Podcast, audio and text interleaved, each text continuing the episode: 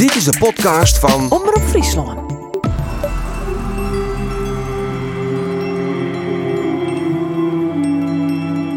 Kerst 1997. De politie in Friesland graaft op het terrein van camping en pension het station in Anjem de stoffelijke resten op van twee vermoorde mannen. Lau de Jong en Hermanus Sonnemans kwamen allebei om het leven door een klap met een zware hamer. In verband met deze lugubere vondst wordt direct de 52-jarige eigenaresse van het pension, Marianne van der E, gearresteerd. Van der E ontkent ook maar iets met die moorden te maken te hebben. Ik denk dat de mensen in Arnhem zich ik heel eh, naar vielen. Ik denk dat het tijd wordt om zaken die uit in het Arnhemse al vrij lang zuster wien dat die nog maar eens alle op een wet komen. Dat het maar eens helemaal schema wordt. Vandaag zullen twee F-16's van de Koninklijke Luchtmacht afkomstig van de vliegbasis Volkel op verzoek van de officier van justitie van Leeuwarden een uh, fotoverkenningsvlucht maken boven Anjem. Uh, het, het, is zelden dat we dit doen uh, voor justitie. In het Friese Anjem lijkt Marianne al veroordeeld. Het, het is weer een Hollandse vrouw, wie, wie import. Hoofdverdachte Marianne van der E. Het is een afschuwelijk iets om zoiets te lezen. Te weten wat te voor te stellen wat daar moet zijn afgespeeld, moet hebben afgespeeld. Het gerechtshof in Leeuwarden veroordeelde haar tot zes jaar en TBS voor de moord op twee mannen. De pensionmoorden in Anjem. Het lijkt de titel van een thriller, maar het is bloedige ernst.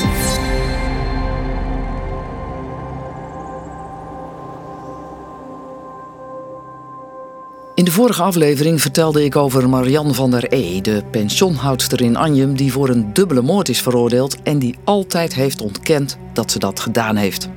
Maar ze zei ook tegen Jaap Douwes, tegen een collega uit de horeca, dat ze bedreigd werd en dat er vreemde dingen gebeurden in en rond haar pensioen. Ik zei, hoe gaat het eigenlijk met je? Nou, ze zei eigenlijk niet zo goed. En uh, een heel verhaal. Ik zei, ik heb je tijd niet gezien. Nee, ze had het dan druk gehad. En nou, allemaal verhalen. En ze zei, anders kom, kom maar even binnen, want dan ga ik je wat vertellen. En uh, je wil het niet weten. En nou, ik mee naar binnen toe. Nou, dat was een beetje een, nou, een beestenbende daar thuis. Een beetje, een beetje een rommeltje binnen. Mm -hmm. En, maar ze was ook nog een beetje, een beetje zenuwachtig nog. En ze zei, ja, ik heb, ik heb heel wat meegemaakt en uh, ik krijg straks de schuld van iets wat ik uh, niet gedaan heb. En uh, ik word bedreigd en zo. Ik zei, zo, dan heeft het al wat aan. Maar ik zei, waarvoor word je bedreigd? Dus ze zei, ze zei, dat kan ik niet vertellen.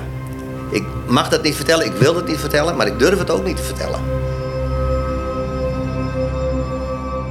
Dat was half december 97, weet Douwes nog. Vlak voordat er van alles gebeurde rond het pension. Twee weken later namelijk kwamen de moorden aan het licht.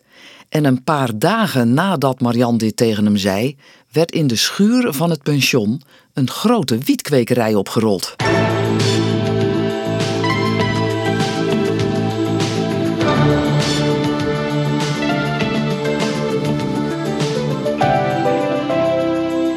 De politie heeft gisteravond bij een inval in een pand in Anjem een grote professionele hennepkwekerij opgerold. De kwekerij was gevestigd op de bovenverdieping van een schuur naast het pension van een 52-jarige vrouw. De bewoonster is aangehouden en ingesloten. De politie trof 2100 volgroeide planten aan, plus de benodigde apparatuur zoals lampen, ventilatie en afzuiginstallaties. De vrouw heeft verklaard niets met de kwekerij van doen te hebben. Ik had er niks mee te maken en ik wist er ook helemaal niks van, zei Marian toen ze mee moest naar het politiebureau om tekst en uitleg te geven. U vertelt mij dat er een hennepkwekerij is op de zolder van mijn schuur. Ik ben hier geschokt over. Ik wist hier niets vanaf. En ik heb ook nog nooit de geur van hennep geroken op de begane grond van mijn schuur. Als ze twee weken later weer vastzit, nu vanwege de moorden, komen haar verhoorders ook weer terug op de hennep. En dan zegt ze toch net iets anders. Ik bestrijd dat ik een rol heb gespeeld bij deze hennepkwekerij. Ik heb wel een week voor de politieinval deze kwekerij op die zolder ontdekt. En ik heb dat niet gezegd tijdens de politieverhoren over deze hennepkwekerij, want ik was op dat moment ontzettend kwaad en ik wilde de zaak eerst zelf uitzoeken. En zo maak ik steeds meer kennis met een andere kant van Marian. De kant waar haar vroegere vriendin en oud-collega Marian Hulshoff het ook al over had in de vorige aflevering. Ik kreeg er moeite mee dat het bij haar lastig was om de waarheid te achterhalen. Die andere kant, haar geheimzinnigheid, haar neiging om de waarheid te verdoezelen, om te liegen. Want in Marians administratie en ook in een dagboek waar ik de beschikking over heb, staan duidelijke aanwijzingen dat ze niet alleen wist van de wietteelt, maar er ook aan meedeed. Die was ook al een tijdje aan de gang. De hennepkwekerij is zelfs een keer van eigenaar veranderd. Een pensiongast van Marian, een man uit het westen van het land die wel ervaring had met wietteelt, ontdekte de zolder als locatie voor een hennepkwekerij. En hij wil ook wel met me praten op een parkeerterrein bij een restaurant langs de A4. En zo hoor ik uit de eerste hand hoe het zat. Ik werkte in Friesland. Wist je, ik ging daar even kijken. En ik kwam met haar in de aanraking. En ze woonde in het pensioen. Helemaal afgelegen achter bij, bij Dokkum. Dus ik ging daar in de kost. Even een paar, eh, paar nachten slapen. En er stond achter die pensioen stond een hele grote stal. Ja. Ik zeg tegen haar, mag ik daar gaan wiet kweken? Ja. Ze zegt, ja, prima. Oké. Dus ik Dat deed ze helemaal niet moeilijk over. Nee, nee, helemaal niks. Dus ik ga met mijn maat er naartoe en ik zet die hele stal vol, vol wiet. Dus het ging, ging goed en goed en goed natuurlijk. Oh. Maar eh ze was altijd vrolijk, hè? We komen aanrijden, heel vrolijk mens. Zij, zij heeft altijd gezegd, ik wist er niks van. Nou, zij wist er wel van. Ik, wij hadden daar die hele stal voor gezet met wiet. En het ging hartstikke goed. Echt heel goed. Maar zij, ze, nu zegt ze, nou zegt u tegen mij, of jij. Ja. Ze wist er ni- niks van, eh, van die wiet. Ja, wel. Tuurlijk wel. Want zij, ik vroeg aan haar, mag ik in de stal gaan wiet kweken? Ze zegt ja. Dus. Deed ze ook mee? Deed de, Ja, ja, ja, ja, ze betaalde ook mee? Nou ja, eh, zij hadden afgesproken van, van elke oost. Kreeg zij ook zoveel van, weet je. Mm. Dus. En hoe vaak hebben jullie kunnen oogsten? Eh, acht, acht keer geloof ik. Mm. Zij heeft toestemming gegeven. Dus eh, zij zegt dat ze er niks van af weet. Nee, dat liegt ze. Ik weet het zeker. Mhm. Ja, echt, echt waar. Hebben jullie er nog wat aan verdiend? Zat. Ja? Tuurlijk. Je bent toch niet van de Belastingdienst zeker? Ik, nee. Oh. Tot zijn grote woede moest deze man wijken voor henneptelers uit Friesland. Eh, en dan op een gegeven moment zegt Marjan, politieinval. Ze hebben alles weggehaald. Nee, het is anders gelopen. Na 8 Oosten werden wij gekidnapt, of eh, geript, door twee vrienden van haar. Die woonden ook in Anjem. Dat waren twee, twee, eh, twee, eh, twee campers. Dus toen belden ze ons op van er is een politieinval geweest. Ja. Wij gaan kijken, maar de lampen die hingen, hingen er nog. Maar de planten, die, die waren weg. Ik zeg tegen maat, dit klopt niet. Want als je een inval krijgt, dan haalt de politie alles weg. Je lampen, ze halen alles weg. Dus wij wisten dat zij ons heeft donderd, na zoveel tijd natuurlijk. Ik zeg tegen maat, weet je wat we gaan doen? We, we, gaan, we gaan wraak nemen. Het was eh, een paar weken voor de kerst. Dus ik heb blik, blik benzine heb ik vol laten lopen. Ik zeg mijn maat, we gaan er s'nachts heen. Dus we wouden dat hele pensioen in de, in de brand laten, laten vliegen. Maar we wouden weggaan en toen hoorden we op de televisie dat ze is opgepakt van, eh, vanwege die moorden. Oh? Dus. Toen dachten jullie, niet meer nodig. Stop. Ja. Die twee vrienden van Marian, de kampers zoals deze man ze noemt, waren niet zozeer vrienden van haar. De ene was Ernst B. Hij had een houthandel in Anjem en deed wel eens een klusje voor Marian. De andere was Jaap K. Hij had meerdere hennepkwekerijen in Friesland. Deze twee mannen waren, vrijwel zeker met Marian, de mannen achter de hennepkwekerij toen die eind 97 definitief werd opgerold. Een strop van tienduizenden guldens. Kenners schatten zelfs dat de kwekerij een jaaromzet van zo'n 5 ton had kunnen draaien.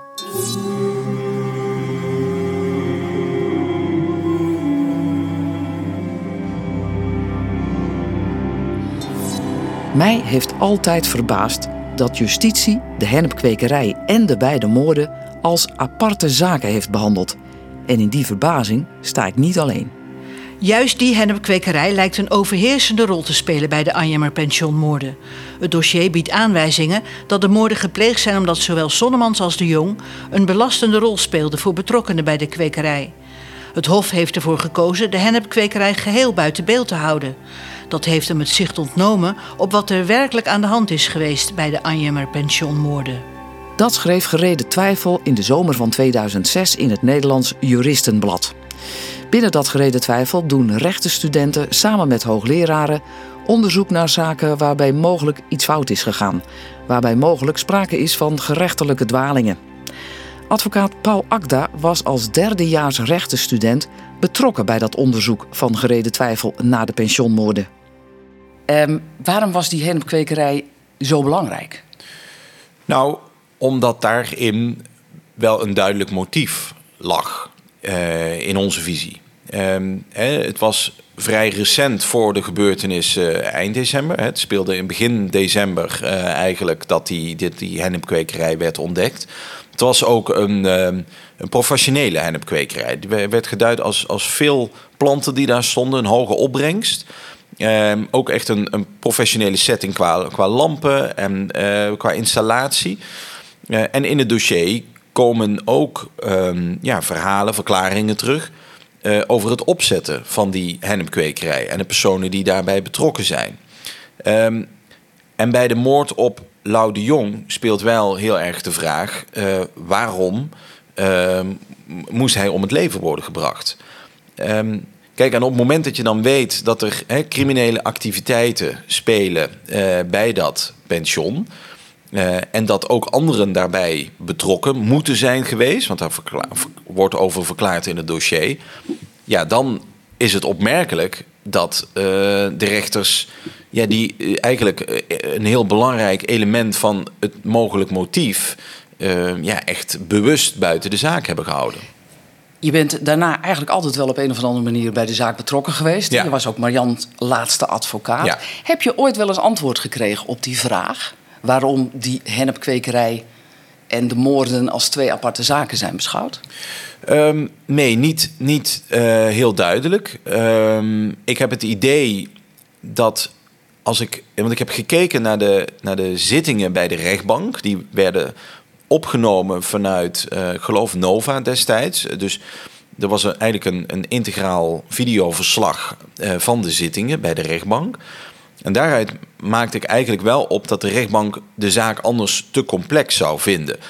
Wat voor de rechtbank wel, denk ik, ook bepalend is geweest, is dat het Openbaar Ministerie ervoor had gekozen om die hennepkwekerij niet op de tenlastenlegging van Marjan te plaatsen.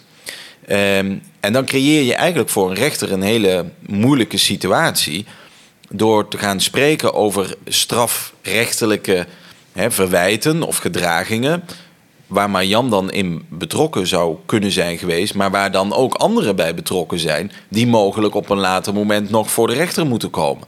Dus ik denk dat de rechtbank daarom heeft gezegd, hè, puur vanuit het juridische oogpunt, van ja, wij gaan nog niets zeggen, niets oordelen over wie dan bij die hennepkwekerij betrokken zouden zijn geweest.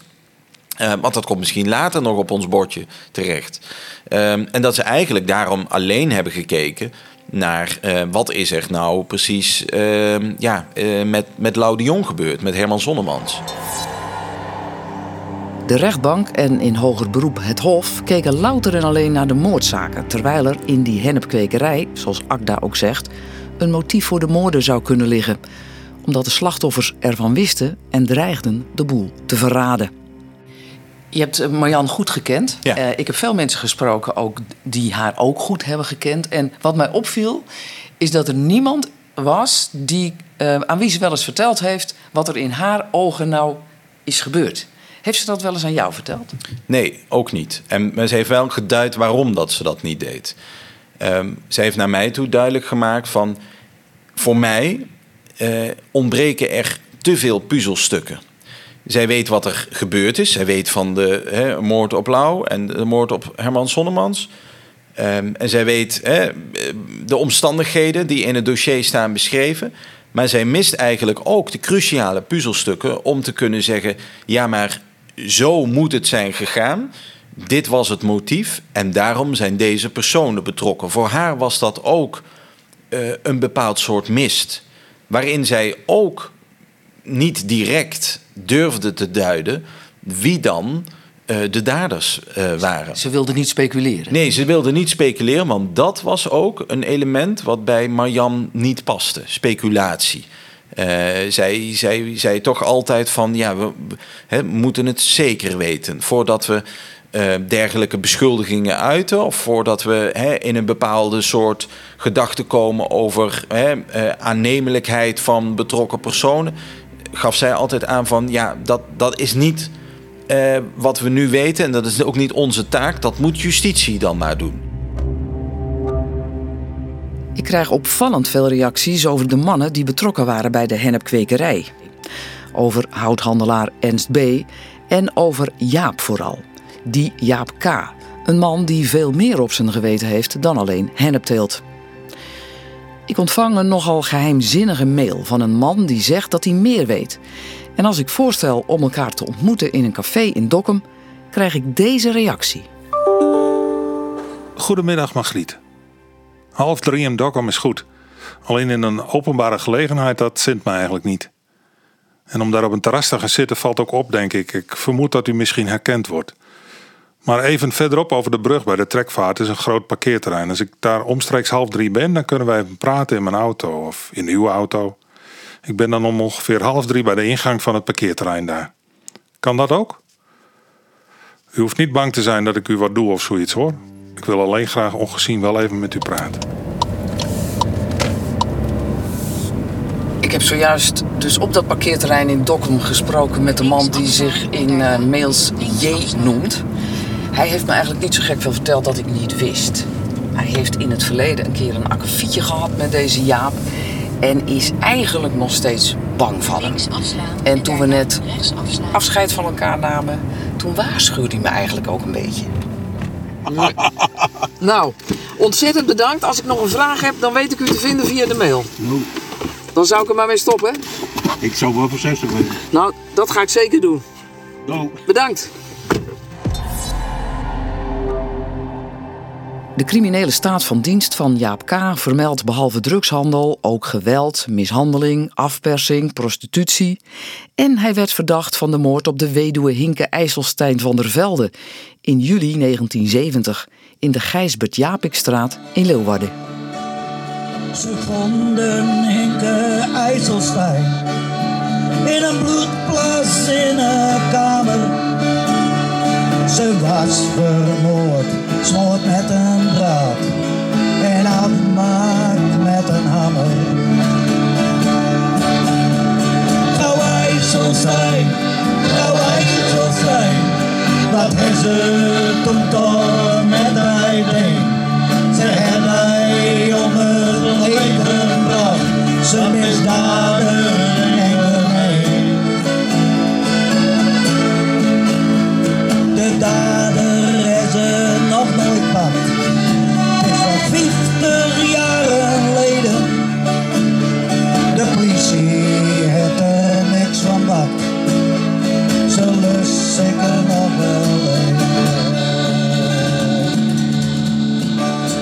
Dat was het trio Ossekop uit Leeuwarden en de schrijver van deze ballade over Hinke IJsselstein woont in dezelfde straat als de vermoorde weduwe. Jaap kwam als mogelijke dader in beeld van deze moord omdat hij tegen medegedetineerden daarover gesproken zou hebben. Dat was begin jaren 70, toen hij vastzat voor onder meer mishandeling. Het OM vervolgde hem uiteindelijk niet voor de moord op de weduwe vanwege gebrek aan bewijs. En Jaap ontkent ook dat hij iets van die moord af weet. Regel een leugendetector. Ga ik daaraan hangen? Je kunt me alles vragen. Hij als we contact hebben over de moord op de weduwe. Maar het lijkt erop dat Jaap niet alleen tegenover medegevangenen over die moord gesproken heeft. Via de advocaat van Marian van der E, Paul Akda, krijg ik weer een mail. Ik ken Jaap vanaf dat ik een jaar of 12, 13 was. Hij woonde bij mij in de buurt. Waar hij woonde, weet ik niet. Maar ik was veel op straat en hij ook. Hij was ouder dan ik, maar was in mij geïnteresseerd. Jaap vertelde dat hij een vrouw had gewurgd en haar schedel met revolver had ingeslagen. Op haar verzoek hebben we de stem van de vrouw onherkenbaar gemaakt. Ik uh, was hier op straat in een groepje met allemaal andere jongeren, ouderen, vooral ouderen. Ik was zelf vrij jong, 12, 13. Maar vooral oudere jongens en meiden. En op een gegeven moment eh, was Jaap daar ook bij. En nou, daar heb ik Jaap eh, daarna meerdere keren ontmoet en gesproken. De eerste keer dat je hem zag was je een jaar of 12, 13, dus dan praten we ergens over jaren, begin jaren 70. Ja, 2, 73. Ja. En Jaap was toen een jaar of tien ouder. Ja. Hoe komt het dat je dat nog zo goed weet? Omdat Jaap op een gegeven moment samen met mij in gesprek ging, zonder de anderen erbij. We zonden ons af. En dan vertelde hij allerlei dingen over zijn leven.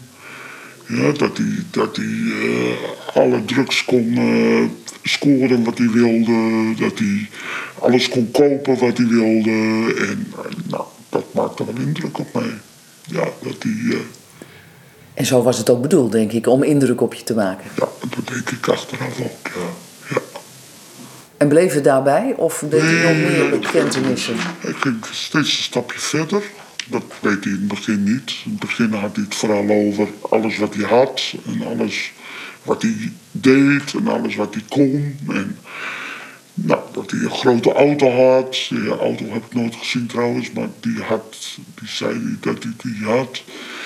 En uiteindelijk uh, vertelde hij mij dat hij een vrouw had vermoord in de Gijsbert Jaapstraat in Leeuwarden. En dat hij die had gewurgd. En dat er gezegd was dat er geld was. Maar toen hij haar had vermoord, toen had ik geen geld gevonden, alleen maar papieren. En hij deed voor op mijn keel hoe hij haar had gewurgd. Hij deed zijn handen achter, van achter zo voor op mijn keel en drukte mijn keel dicht. Dat heeft hij uh, ja, toen wel uitgebreid gedaan, dat ik uh, bijna stikte. Meer dan één keer zelfs? Deed hij voor hoe hij een vrouw vermoord zou hebben in Leeuwarden? Ja. ja.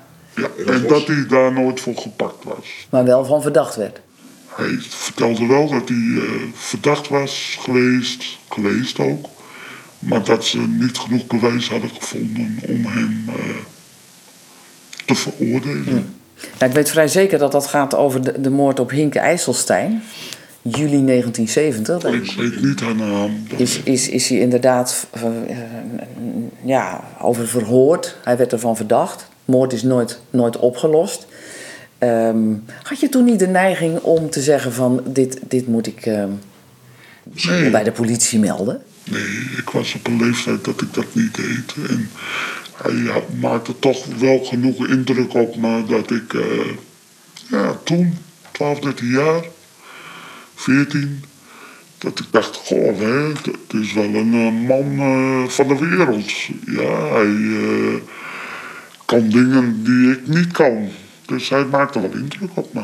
Dus nee, dat maakte Je was toen nog zo jong en, en misschien zo onervaren... Dat, dat het eerder indruk op je maakte ja. dan dat je dacht... hé, hey, hier, hier is iets strafbaars gebeurd. Ja, nee, ik had zelf zo wel zoiets van... ik wil wel zoals hem zijn, want dan kan ik lekker leven.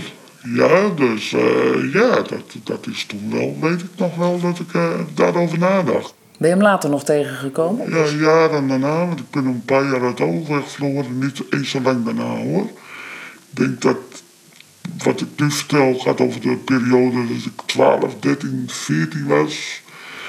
En toen eigenlijk een jaar niet. En je bent van? 60. Ja. Dus inderdaad begin jaren 70. Ja. Toen een paar jaar niet. Niet eens zo lang. Anderhalf jaar, twee jaar niet. En toen was ik ondertussen weggelopen van huis. En vond onderdak bij ja, de criminele wereld. Ja, zo moet ik het wel noemen.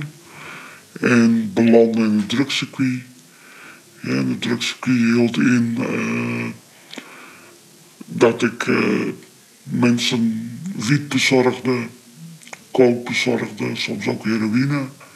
En dat was een aanspreekpunt waar ik dan heen ging waar ik het drugs weghaalde en waar ik later ook het geld bracht. En dan werd ik uitbetaald daarna. En daar ben ik Jaap weer tegengekomen op een gegeven moment. Want ik was daar natuurlijk ook veel. Ja. Ja, en in één keer was Jaap daar met een Poolse, Roemeense vrouw. Hij had in één keer de gouden snijtand, weet ik nog wel. Dat maakt ook wel indruk op me. En die Poolse, Roemeense vrouw, die was nou, heel sexy gekleed. Eh, kort jurkje aan, tasje. Dik in de make-up. En eh, ja, hij was eh, de gentleman op dat moment. Ja, maar hij herkende mij wel. Hij herkende mij. Hij legde wel weer contact. Ja, daarna legde hij weer contact. Ja. Dan kwam hij alleen daarheen en dan zonderden we ons weer af. En begon hij dan ook weer verhalen te vertellen? Ja, over dat hij vrouwen mishandelde, de vrouwen in de seksindustrie had. In de escort. En eh, dat hij daar geld mee verdiende. En dat hij eh, getrouwd was met vrouwen. En dat hij daar kinderen mee maakte. En dat hij, eh, maar dat wanneer ze kinderen hadden, daarna gouden aan het werk moest. Want, moesten, want ja, moest geld verdiend worden. Waarom zat hij daar zo over op te scheppen bijna tegen jou? Weet je, wij hadden natuurlijk op een of andere manier, denk ik, weet ik niet, verleden. En ik denk dat hij heeft geprobeerd toch wel om mij ook in te palmen. En dan jaren, jaren, jaren later lees je eh, over mijn boek, over de heks van Anjem. Je komt Jaap weer tegen. Nou, daar stond Jaap in en ik dacht, oh, daar is Jaap bij betrokken. Dat, dat, dat heb ik nooit geweten, want ik kende het verhaal van de vrouw in Anjem. De pensioenmoorden, maar ik wist niet dat Jaap daarbij was betrokken. Dat, dat hij daar een hennepkwekerij had. Nou, sowieso dat hij daar gewoon bij was betrokken toen ik dat las. Toen dacht ik, ah, weet je, dit verhaal en wat er gebeurd is met deze vrouw, dat klopt voor geen meter. Dat klopt voor geen meter, echt niet. Dat klopt niet. Hoezo niet? Omdat als Jaap ergens bij betrokken is, dan is het altijd manipulatie, is het altijd eh, geweld, is het altijd onderdrukking, is het altijd gebruik maken van anderen. Vooral die.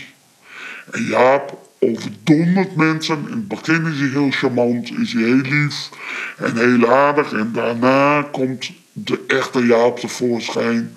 En dat is een hele andere Jaap. En dan, deze Marianne heeft niks meer over haar leven te vertellen gehad. Ja, en dat heeft ze ook geweten. De hennepkwekerijen, die heeft ze geweten. Dat weet ik zeker. Want de laatste twee, drie weken, daar ruik je de wiet. Ja, dus dat heeft ze geweten. Maar ze is daardoor ernstig in de problemen gekomen. Ja. Dat was het toch wel bijzondere verhaal van een vrouw die ik maar even Marijke noem. Dat is ook niet haar echte naam. Je klapt niet uit de school, zegt ze. Dat is een code in het criminele milieu. En dat doe ik nu wel, dus ik heb liever niet dat ze weten wie ik ben. En natuurlijk heb ik heel goed gecheckt of het waar is wat ze vertelt. En ik kan niet anders dan tot de conclusie komen dat het waar is. Natuurlijk, Jaap kan hebben opgeschept. Dat is hem zeker niet vreemd. Maar ik geloof echt dat hij haar verteld heeft over de moord op de weduwe IJsselstein. Ik leg het verhaal van deze vrouw dan ook voor aan het Cold Case Team Noord-Nederland. En krijg vrij snel een nogal formele reactie, die er niet helemaal onverwacht op neerkomt dat deze moord van begin jaren 70 geen prioriteit meer heeft. Dit heeft onder meer te maken met het ontbreken van actueel onderzoeksbelang. Daarnaast is de zaak inmiddels zo oud dat er ook geen kans meer is op vervolging. Het Cold Case Team moet hierin altijd keuzes maken en geeft er daarom de voorkeur aan hun tijd en capaciteit nu effectief in te zetten voor geprioriteerde zaken. De moord op Hinke IJsselstein blijft dus onopgelost. Er zijn meer mensen die contact met me zoeken omdat ze iets kwijt willen over de mannen van de hennepkwekerij. Vooral weer over deze Jaap K. Ik heb die moord niet gepleegd. En ik heb dan nooit één moord gepleegd van mijn.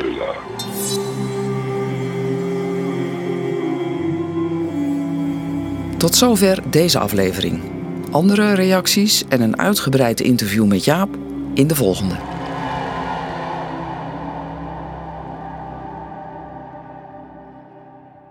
Deze podcast, naar aanleiding van het boek De Heks van Anjem, is gemaakt door Margriet Brandsma in samenwerking met Omroep Friesloon. Montage en sounddesign Linze Valk. De teksten van mails, appjes en van verklaringen en verhoren zijn authentiek, maar ze zijn ingesproken door derden. Reageren of een tip? Mail naar heksvananjem.gmail.com.